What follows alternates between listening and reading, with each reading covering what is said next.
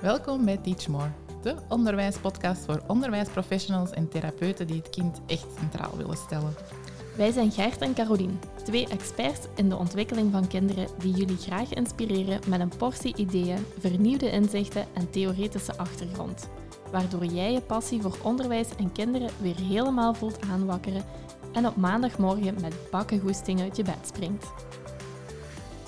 Hallo en welkom bij een nieuwe aflevering. Vandaag laten we jullie kennis maken met Annelien. Annelien is voor de meesten misschien nog een onbekend gezicht, dus we gaan daar vandaag helemaal induiken. Annelien, kun jij jezelf eerst kort eventjes voorstellen? Dat kan ik zeker. Uh, ik ben Annelien. Ik uh, heb een eigen praktijk voor logopedie en coaching in Westerlo. Praktijk achter de deur.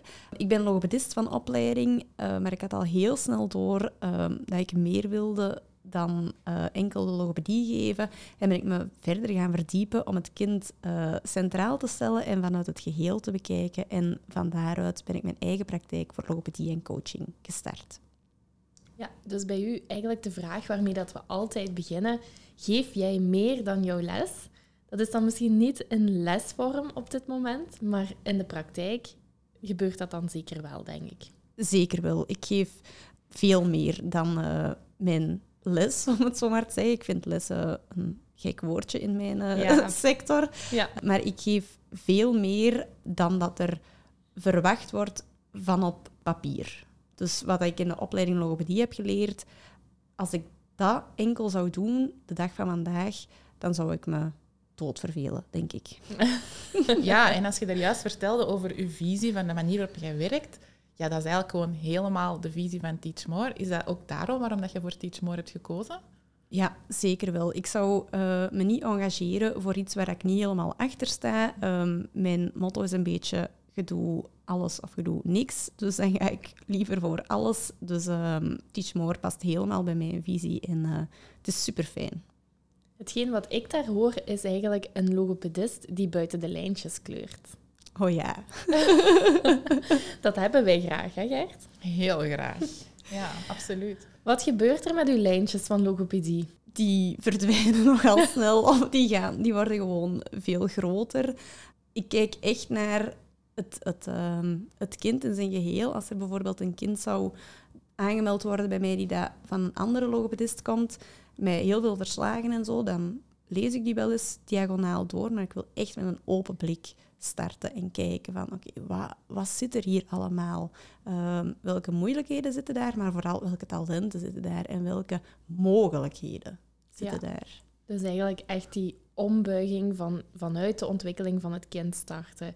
En echt gaan kijken naar wat zit er al allemaal in en waar kan ik ze nog in ondersteunen om die ontwikkeling verder te zetten eigenlijk. Ja, een beetje de zaadjes planten en uh, wat kan ik hier nog laten groeien um, om ze een podium te laten pakken en te laten shinen. Heel fijn. Ja, de kinderen die bij u terechtkomen zijn met een gat in de boter gevallen, als je dat zo hoort. Hè. Dus je kijkt echt met een open blik. Want jij volgde bij ons ook al wel heel wat opleidingen die niet echt typisch uh, zijn om als logopedist te volgen. Dus wij, wij noemden nu zelf al de atypische logo. Welke opleiding heb je bij ons allemaal gevolgd? Um, een betere vraag zou zijn, welke opleiding heb ik niet gevolgd? Hey, Caroline, stelt ze nog eens. Ja, maar ja, dan moeten de mensen natuurlijk wel ons volledig nee. aanbod kunnen. Voilà. Maar uh, we kunnen Hoe zijn er ingestroomd of zo? ik, ik heb um, um, ooit... Ik heb wel geen medaille gekregen toen. Vind ik wel nog altijd een gemiste kans van superfan van Teach More. Maar ja, je kunt dat nog altijd goed maken. Maar ik heb dus echt heel veel opleidingen um, gevolgd. Eerst het... Oh, bij wat ben ik begonnen? Het uh, gedrag in zich, denk ik. Om echt te kijken naar welk gedrag zit er hier wat zit daarachter, dat gedrag? Uh, het woordeloos communiceren heb ik gevolgd. Zinvol tekenen heb ik gevolgd. Zinvol tekenen, heb je daar de kleuters gevolgd? Het lager onderwijs? Lager. Het lager school heb ik gevolgd. Omdat dat, de meeste kinderen bij mij zijn wel uh, lager school. Dus, uh, maar dan kan ik dat altijd nog aanpassen Executieve functies heb ik je ook zien. Executieve functies, juist. Was ik al en dan wou je eigenlijk heel graag starten in het jaartraject, maar dat hebben we een beetje uitgesteld. Ja. dat is er niet aangekomen. Dus je voelde eigenlijk al wel in al die workshops dat daar iets zat voor u. Hè? Ja. Nu, misschien wel interessant voor de luisteraars, hoe vertaal je al die kennis naar dat werken in je praktijk daarmee? Want hè, als logopediste, gedrag in zicht, zinvol tekenen, dat is niet misschien de meest uh, voor de hand liggende opleidingen. Nee, dat klopt. ik, zijn, dat zijn, ik zie al die opleidingen als dingen dat ik in mijn rugzak steek. En eh, als er dan een kind voor mij zit, um, vaak komen kinderen ook na school, direct na school ook. En als er dan op school iets gebeurd dan gaat dat leren toch sowieso niet. Dus dan kijk ik in mijn rugzak, oh, wat kan ik hier nog uit mijn rugzak toveren? Om eens even te kijken van uh, wat dat er nodig is op dat moment. Dan haalt dat niet uit om die kinderen te forceren. Dat, al is dat een tekenspel of een uh, even de situatie uitleggen van wat er op school gebeurd is, om met een andere blik daarnaar te kijken. En dan pas kan ik starten. Dus ik integreer dat eigenlijk gewoon een beetje op het moment zelf dat het nodig is. Ja, het haalt u ook even weg van die... Ik, ik ja, ben misschien ook mis, maar misschien moet ik daar beginnen. Um, de eigen vooroordelen. Ja, als ik zo aan een logopedie-sessie denk, dan uh, komt er in mijn hoofd het beeld van de logopedist en het kind tegenover elkaar aan de tafel. Zo was dat ook wel. Zeker tijdens mijn stages en zo. Ik heb wel een tafel staan en ik heb wel twee stoelen staan. Maar ik heb ook heel veel beweegruimte. Ik heb ook een, uh, een uh, hoekje, een gezellig hoekje met kussentjes. En ze mogen eigenlijk kiezen. Ik zeg nooit van ga daar zitten of nee, oeh, blijf nu eens zitten. Nee, zo werkt het niet. Voor mij in elk geval. Ik heb kinderen die gewoon zeggen, oh, maar ik wil hier wel gewoon zitten. Dan is dat voor mij ook oké. Maar het is een beetje... Uh... Het zijn niet de woordenrijtjes nog eens terug opnieuw. Dat oh nee. Dat is ook mijn beeld daarvan. Of toch degene die dat bij mij in opleiding zaten. Wij zaten logopedie en psychologie zaten ja, bij elkaar. En af en toe moesten wij zo eens samenwerken. En ja, dat wrong een beetje. Nee, woordenrijtjes. Nee, die heb ik uh, een paar jaar geleden overboord. Nu, ik kan mij er wel ook in... Niet alles is natuurlijk uh, overboord te smijten. En sommige kinderen hebben die aanpak nodig, sommige kinderen hebben een andere aanpak nodig. Maar het moment dat je dan eigenlijk die tekenspellen uit de kast haalt of uit je rugzak haalt, gelijk dat jij het benoemt, uh, dan denk ik wel ook dat je ja, die, uh, die manier van aan de tafel zitten, dat je die even doorbreekt en wel tot veel nieuwe dingen kunt komen. Of zet je dan ook je tekenspellen echt in om een bepaald doel te bereiken waarvoor dat ze komen? Nee, dat heb ik nog niet gedaan, maar die mogelijkheid heb ik zeker. Maar het is echt gewoon wat dat er leeft op dat moment en wat dat er nodig is. En dan vertrouw ik erop dat ik de juiste uh, tools kan aanbieden wat dat er op dat moment nodig is om vooruitgang te boeken. Ja. En je bent dan eigenlijk bij ons ingestroomd via gedrag en zicht. Ja, als ik dan aan een typische logopedie-sessie denk, dan denk ik ook van ja, wat maakt eigenlijk dat je getriggerd was door die titel? Had je toen wat kinderen in uw praktijk bijvoorbeeld wat, uh, waar dat je niet wist mee wat je moest doen? Of wat maakte dat, dat die trigger zo groot was? Vooral het gedrag dat er getoond werd, niet per se bij mij, maar dat ik terugkreeg van school en ouders van ja, het is uh, zo moeilijk. En ik denk van, maar er zit toch, toch meer achter. Wat laten die kinderen hier eigenlijk zien? En ik wou dat weten, omdat ik vrij dicht bij de ouders sta, dat ik dat kan vertalen ook naar de ouders. Van ja, kijk, uw kind is niet lastig, uw kind heeft het gewoon even lastig. En je laat u dat zien. Omdat ze van mij, ja, ze zien mij elke week een paar keer. Ik heb ook wel heel, een, heel goede band met, met de ouders. Uh, dat ze van mij heel veel dingen aannemen. En ik wou daar een beetje tussenpersoon in zijn. En ik, ik wou mezelf gewoon meer verdiepen in het in het kind gegeven, wat dat er allemaal in zit. Dat vind ik wel ook heel mooi dat je zelf die functie inziet. Want heel vaak is dat zo. Hè? Je hebt dan communicatie van de ouders eigenlijk, eh, van de school naar de ouders toe. Maar als daar al heel wat, um, ik wil, wil, het problematieken noemen, maar het is niet per se problematieken. Maar als er al, heen en, al heel wat heen en weer is gepingpongd van over het gedrag en over uitdagingen die er zijn, uh, ja, dan ze krijgen ook beide partijen krijgen een bepaald vooroordeel. En jij zit daar eigenlijk tussen als buitenstaander, dus perfect eigenlijk in de rol van ik kan hier wel iets betekenen in de functie van kaderen als neutraal persoon. Dus ik vind het heel mooi dat je dat zelf ook inziet dan, van ja, ik kan hier eigenlijk wel echt nog meer betekenen dan gewoon het doel waarvoor dat ze tot bij u komen. Hè? Ja, dat probeer ik. Want je hebt al wel wat kinderen zien verschijnen in je praktijk. Ziet je ook dat die groei terugkomen? Alleen ziet je die groei bij hen? Krijg je dat ook wel terug van ouders, van scholen, van leerkrachten? Want je hebt toch wel echt een stap buiten de lijntjes gedaan, Allee, of buiten hetgeen waar ze gewend zijn, buiten de bestaande kaders. En dat is toch wel een beetje spannend. Dat is super spannend. Maar ik, vond dat zo, ik, ik had daar zoveel voldoening van om, om, om te zien hoe dat, dat die kinderen ten goede kwam. En dan dacht ik, ja, voor mij is dat een kleine moeite, maar voor hen betekent dat echt een wereld van verschil. Uh, om hen dat podium te laten pakken en dat ze daar niet alleen moeten staan, dat daar cheerleaders naast staan die dat uh, doen en, en, en aanmoedigen en laten zien van, ah, je kunt dat wel. Dus dat vind ik zalig, om voor kinderen gewoon even, al is het soms onzichtbare steun in de rug te zijn. Ja, voor ons is het heel duidelijk dat je kindertaal ademt en praat en vertaalt en terugkoppelt. Alles gewoon. Hè. Echt de visie waar wij bij ons heel sterk voelen bij Teach More, dat klopte gewoon. Dus van langs onze kant was het ook heel duidelijk van... Hmm, Annelien die past er gewoon bij. Maar voor u, wat heeft voor u de stap gezet om te zeggen van... Oh, ik wil toch wel eens met die twee gezichten achter Teach More gaan praten om te kijken wat er mogelijk is? Ehm, op de laatste themadag dat ik gevolgd heb van executieve functies was er een mooi flyertje. En ik dacht, hmm, ik uh, heb wel een expertise in beelddenken en dat zou wel uh, passen binnen het aanbod van Teach More. En heb ik mijn stoute schoenen aangetrokken, een mailtje gestuurd en... Uh, super bang geweest voor het antwoord.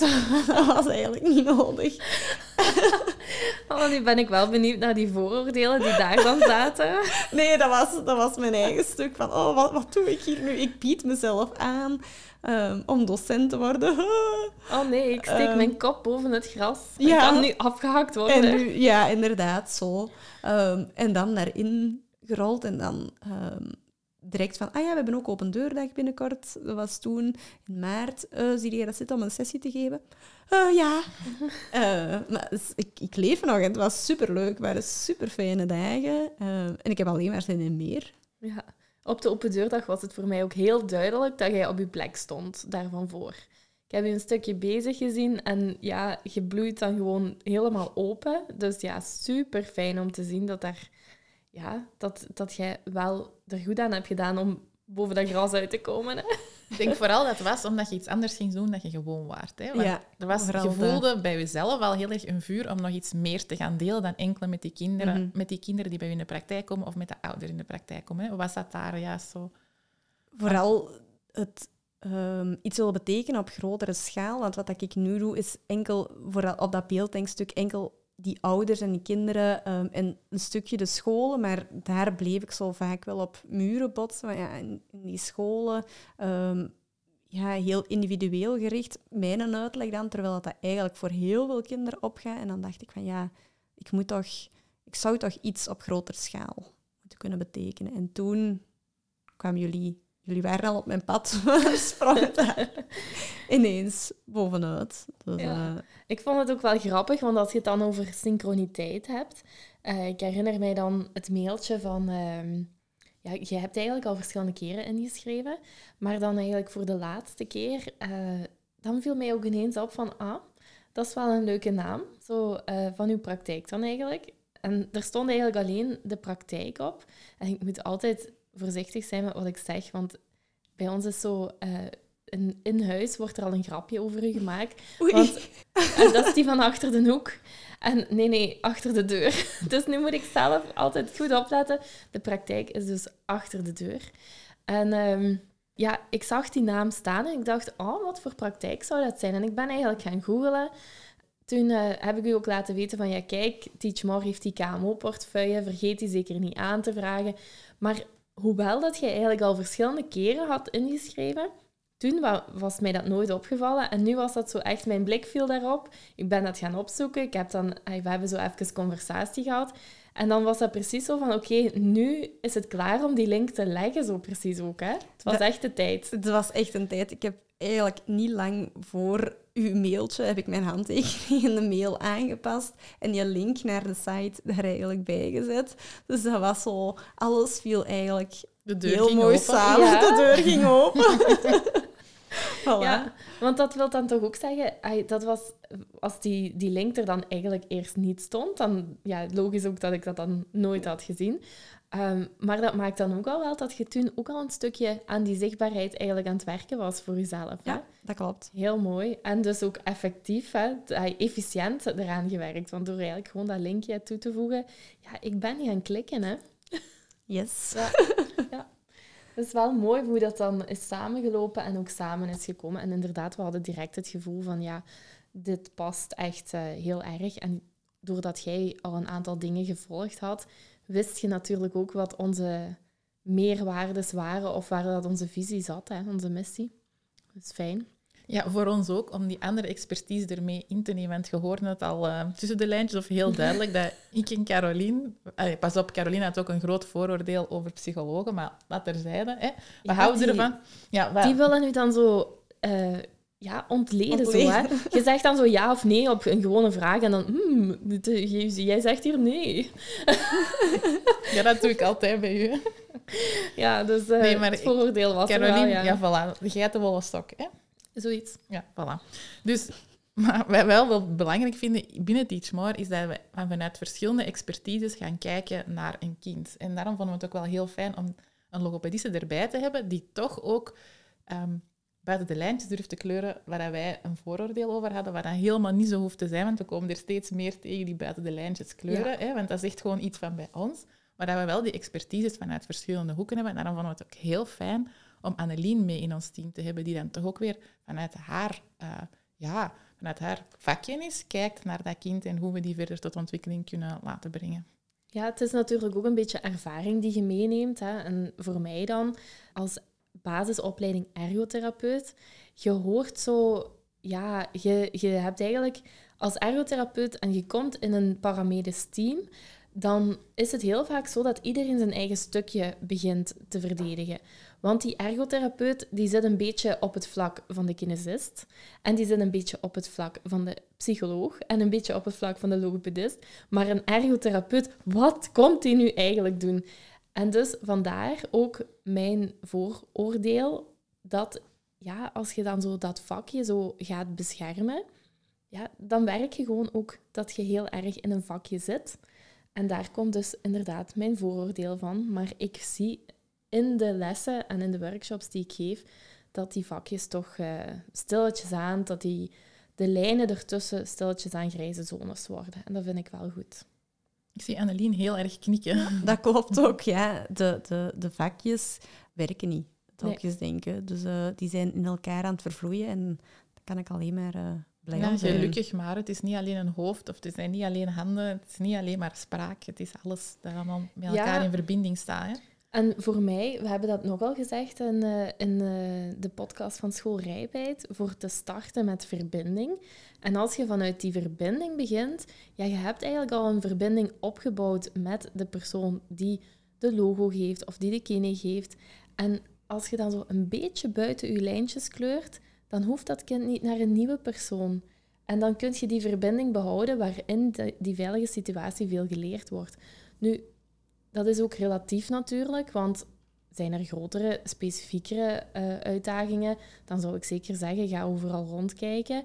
Maar zo dat beetje binnen de, buiten de lijntjes kleuren, dat vind ik toch wel... Uh, ja, dat als, mag. als ik Annelien daar juist hoorde vertellen, van, er is echt toch een beweegding, dus ze kunnen bij mij bewegen en dan die ja. woordjes leren, ja, dan kan ik alleen maar zo staan cheerleaden of staan juichen van, oh yes, het mag samen gaan gebeuren, want dan is er nodig om die taal hè, eigen te maken en die automatisatieprocessen te laten plaatsvinden. Ja, en ook als je dan weet van, oh, hier zit nog een stukje lateralisatie wat ik mag meenemen.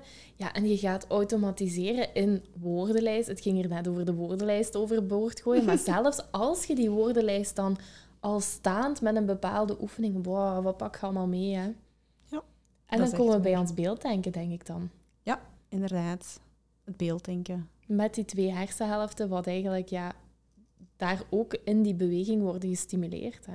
Ja, want we hebben het hier nu het woord al een paar keren laten vallen, maar misschien is het nog niet voor iedereen duidelijk wat juist beelddenken is.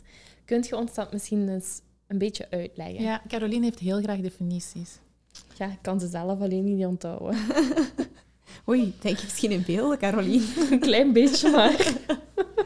um, heel kort uitgelegd, um, er zijn beelddenkers en woorddenkers of taaldenkers. En beelddenkers, um, die zien eigenlijk alles in beelden. Ehm, dus als ik zeg het woordje boom, die zien voor hen een mooie boom, maar waarschijnlijk ook nog heel mooie appeltjes daarin. En nu dus de mooie bloesems. Dus, en die hebben daar echt een, een prachtig beeld van bij die boom. Terwijl een woorddenker ziet gewoon het woordje boom staan. En het onderwijs is um, heel talig, daar kan niemand iets aan doen, dat is gewoon zo.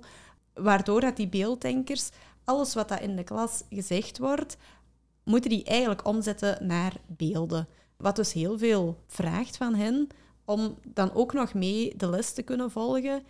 Want eigenlijk wordt het, de les wordt voor hen in het Chinees gegeven. Want dat wordt in taal gegeven, terwijl dat zij beelden nodig hebben.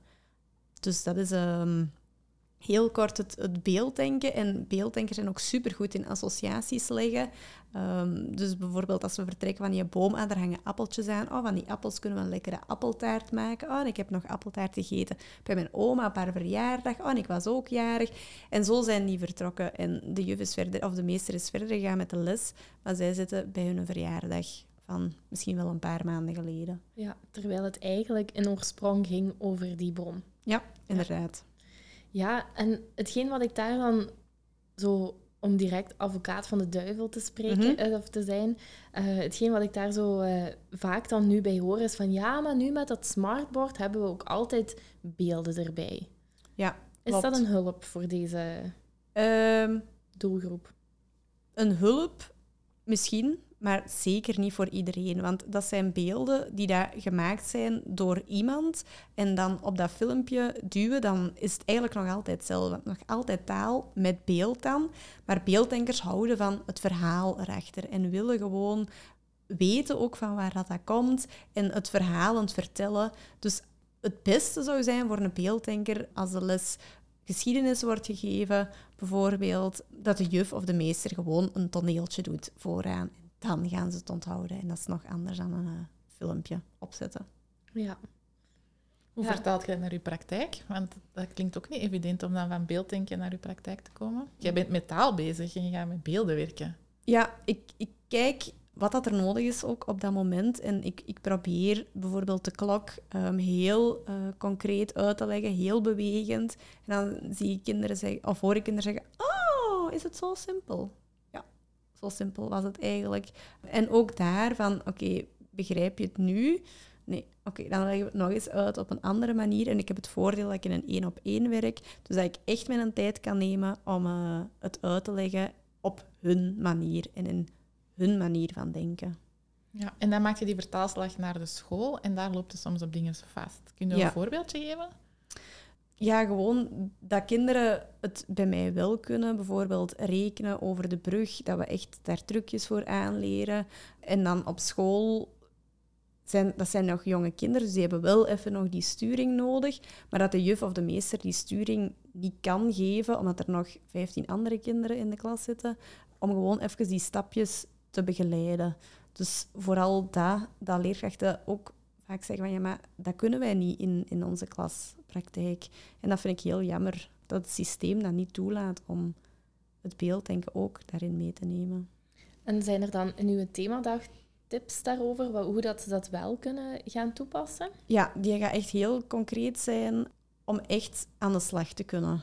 Om uh, op allez, individueel af te stemmen gaat moeilijker zijn in de klas, maar ik ben ervan overtuigd dat elk kind in de klas daar wel baat bij heeft, bij het uh, beelddenkstuk. Als er daar eigenlijk zo'n beetje worden. dat wij heel vaak zien dat iedereen, dat dat iets is dat bij iedereen in ontwikkeling is om naar de talige te komen, hè, of dit te hebben, maar ook met executieve functies of alles wat wij bespreken eigenlijk. Dus dat we eigenlijk voor iedereen er zijn en nog meer voor de kinderen die daar dan uh, tegenaan lopen. Dat is eigenlijk een beetje hetgeen dat je ook wilt meegeven. Ja in uw thema. Goed samengevat. Want nu, het, hier nu ook, maar heel vaak zo in de, in de klaspraktijk zie ik ook van ja, beelddenkers. Op sommige plaatsen wordt dat zelfs als een soort van label mhm. eigenlijk gegeven. Nu, is het niet zo dat wij allemaal geboren worden als beelddenker? Ja, een kind heeft geen... Een baby heeft geen taal. En dat is ook... ik vind het leuk dat je dat aanhaalt. Dat is het eerste dat ik zeg tegen ouders. Het is geen stoornis. Het is gewoon een andere manier van denken. En een, een, baby houdt gewoon van, van beelden. Taal is gewoon veel te vluchtig op dat moment. Dus Ja, en kleuters denk ik ook nog. Hè? Kleuters Als je nog, een verhaal vertelt, Zeker. eh, een prent erbij, of eh, zo echt beschrijven van waar dat iets zich voor eh, iets afspeelt. De kleuters kunnen daar toch echt van genieten. Hè? Die kunnen daar echt van genieten en daar hun eigen verhaal van maken en daar zo hard in, in opgaan en in meegaan. Dus zeker ook bij kleuters nog. Lagere school en dan begint de, de schifting te komen van kinderen die moeten leren lezen, die in beelden denken, die hebben het heel moeilijk, want die, kunnen het heel moeilijk hebben, want die letters, dat is heel vaag voor hen. Ze, ze voelen daar niks bij. Het betekent niks. Het hè. betekent niks. Het, is gewoon, het zijn gewoon lege letters, daarna lege woorden. Maar ze kunnen daar geen beeld bij vormen. En dat is... Ik denk dat we in de podcast, trouwe luisteraars gaan dat zeker al eens gehoord hebben. Maar eh, ja, hier, wij eh, zijn de twee voorbeelden, denk ik wel. We hebben ooit zelf ook een eh, cursus beelddenken enkele dagen zo eh, in Nederland verschillende dagen gevolgd, Ja. hè, Gert en ik zelf. En ja, dan, dan tijdens die cursussen gaat je zo ook testjes doen. Ja, ben ik zelf een beelddenker, ja of nee? En dan wordt er zo wat bepaald van, ja, beelddenker of zo taaldenker. Maar je hebt eigenlijk ook zo'n mooie middenmaat. Hè? Zo, dat je wel een voorkeur hebt, maar Mhm. dat je eigenlijk ook heel flexibel bent naar de andere kant. Ik herinner mij dat wij eigenlijk allebei in die middenzone zaten, maar jij met een voorkeur naar taal en ik met een voorkeur naar beelden. Maar dat is dan ook heel mooi hoe dat ieder eh, zijn talenten daarin heeft. Hè. Ik zie eerder als ik... eh, ja, ik krijg inderdaad direct het beeld. Dus van het moment dat wij ov- over een podcast het wel eens hadden, ja, dan zag ik de download al voor mij. En ik kon hem eigenlijk helemaal vertellen, ook al was hem nog niet klaar, kon ik eigenlijk al vertellen, zo gaat hem uitzien. Want dat moest gewoon nog maar uitgevoerd worden. Mijn andere kant is dan als ik een podcast moet uitschrijven in woorden, wat een verschrikkelijke taak is dat. En tegen, eigenlijk is dat omgekeerd. Eh, Mhm. Bij u is, dat dan, is het omgekeerde dan het geval. Hè? Ja, dat klopt. Ik zie gewoon... Ik moet, het is gewoon geen werk om dat uit te typen. Ja, ik kan daar niet in komen. Ik, kan daar, ik zou daar echt een halve dag over kunnen zitten en, een- en nog niks presteren. Ja, maar dat is zelfs zo bij de online leeromgeving van Winterdiep heb je dat ook gezien. Hè? Jij had dan alles op zijn plek staan en bij mij overal de uitleg erbij en een tekst bij een werkboek. En wie maakt dan een werkboek tot een geheel? Caroline. Dus dat is eigenlijk super fijn dat je Ja. elkaar daar zo in kunt aanvullen. Hè? En Dus wij zijn samen één brein wat goed functioneert. redelijk goed. nee, maar dat is eigenlijk hetgeen wat we willen meegeven. Dat dat ook zo gaat zijn dat alle kinderen daar iets uit kunnen meepikken. En dat je Ja. dan kunt gaan zien, oké, we hebben nog meer nodig, of waar mogen we meer op inzetten. Of dat hulpmiddel hangt er misschien. Voor de ene is dat een extra ondersteuning, Ja. voor de andere is dat gewoon een alvast. Allee, Ja, want ik, hetgeen wat nu ook bij mij eh, in mijn hoofd komt, als ik u dat zo al... Eigenlijk zijn het hele korte dingen die je hier vertelt. Dan denk ik ook meteen van... eh, ja, bepaalde methodes gaan daar wel op inspelen. Bijvoorbeeld zo het ei-verhaal. Ja. Dat, eh, dat is eigenlijk het verhaaltje wat dan gebouwd wordt rond allemaal woorden die wat met een korte ei geschreven worden. Zijn dat dingen die eh beelddenkers bijvoorbeeld kunnen helpen? Wat dat ik bijvoorbeeld met het oude verhaal heb, het oude verhaal is ook één. En dan heb ik daar voor een jongetje echt dat uitgetekend. Dus al die woorden visueel gemaakt en dan een beetje ons eigen verhaal ervan gemaakt, zodat dat op hun manier begrijpbaar is. Want vaak zitten in die verhalen voor, bij beelddenkers ook nog lege woorden. Dat denken, "Huh, wat doet dat hier nu tussen? Dus dat een beetje vertalen, echt letterlijk naar hun manier van denken. Maar die, ja, die verhaaltjes, ik zou die dan nog eens ja, ofwel visueel maken ofwel echt spelen. Dat ze die echt... Oké, het, het meisje gaat op reis met de trein en... Oké. Eigenlijk is dat wel een kei goede tip, hè? Want als je, dan, hè, als je dat gaat spelen met je klas, ja. Ja. dan krijg je... Ik zie het direct voor mij natuurlijk. maar dan zie je direct zo, ja, het meisje wat echt op reis Mhm. gaat. En, maar je, je onthoudt ook van, ik was die of die was Ja. dat. En die linken blijven eigenlijk En dan kan bestaan. het betekenis gaan Dan krijgen. krijgt het Want echt ik heb dan weer heel vaak in de praktijk kinderen met autisme die ook zoiets hebben van dat verhaal heeft geen connectie met de taal. Hè? En jij gaat die verbinding dan eigenlijk gaan maken tussen het beeld dat je wilt meegeven en ja, de taal anderzijds. Ja, dus ik hoor eigenlijk dat er kei goede tips op komst zijn eigenlijk in Die die, van komst. eh Misschien heb je wel al een boek of een podcasttip of iets anders dat mensen die dan nu al zo wat geprikkeld zijn, want hè, de online en de themadag die komen er nog aan, dat staat er allemaal nog niet. Maar waar kunnen ze al wel beginnen? Het boek dat ik meestal aanraad is zo de Survival Kids Beelddenken, omdat hij heel eh, begrijpbaar geschreven is, ehm, zowel voor ouders als voor kinderen. Dus dat zou wel een goede starter zijn, als je Mhm. daar echt al u een beetje in wilt verdiepen. En zijn er zo eh, dingetjes die wat daar dan in staan, wat je, waar je, dat je ook zoiets van hebt van ja, als iemand in de praktijk komt en we zien dat, dat dit eigenlijk de uitdaging is, dat je zegt van ja, tegen ouders van kijk daar al zeker eens naar, zo'n bepaald tip, tip in dat boek? Um, dat verhaaltje zo van het schatten-eiland. Om te weten hoe dat het uh, hoofd werkt van een beelddenker. Dat is altijd wel... Uh, dus ik hoor daar eigenlijk dat, uh, dat het hoofd wordt uitgelegd ja. aan de hand van een schatteneiland. Ja. ja. Oké, okay. dat is een leuke. Die zullen we meenemen om in een volgende podcast eens te bespreken van hoe dat het eigenlijk allemaal zit met dat beelddenken. En Mhm. misschien van daaruit te kunnen starten. Is dat een, uh, een goed idee? Een zeer goed idee. Top. Zijn er nog dingen die wat de luisteraars zeker ook nog mogen weten over u? Um, dat was dus een moeilijke vraag. um, Uw grootste geheimen mogen nu op tafel leggen. Uh, mijn grootste geheimen? Nee, wat dat je zeker...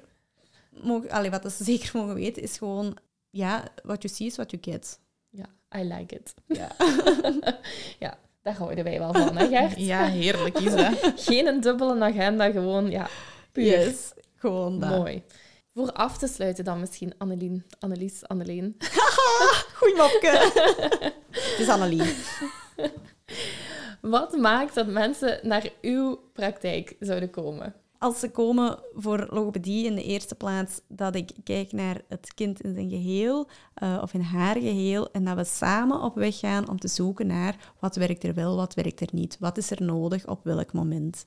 Uh, en dan tover ik dingen met een rugzak en kunnen we samen op pad gaan. Top. En met al die ervaring verzorg je dan onze themadagen bij Teachmore. Klopt. Super. Wat een expertise. Heel blij om u bij ons team te mogen voegen. Ja. Ik ben ook blij. Heel fijn ook dat je er was vandaag. Dank u wel om de moeite te doen om uh, uw voorstelling hier in onze podcast uh, helemaal te komen toelichten. En dan zien wij u een volgende keer voor ons Schatteneiland. Oké, okay, check. Tot dan. Bedankt om te luisteren naar een nieuwe aflevering van Teach More, de onderwijspodcast. Vond je deze aflevering waardevol? Laat het ons dan weten door een review achter te laten in de podcast-app waarmee je deze podcast luisterde. Blijf je graag op de hoogte van nieuwe afleveringen? Abonneer je dan op deze podcast en je ontvangt automatisch een berichtje wanneer er een nieuwe aflevering is. Wij delen ook dagelijks tips via onze social media. Je kan ons volgen op Instagram via teach of op Facebook teachmore. Blijf je graag als eerste op de hoogte van al onze nieuwtjes? Schrijf je dan in voor onze nieuwsbrief op www.teachmore.be. Daar vind je ook ons volledig aanbod aan vormingen, workshops en teambuildings terug.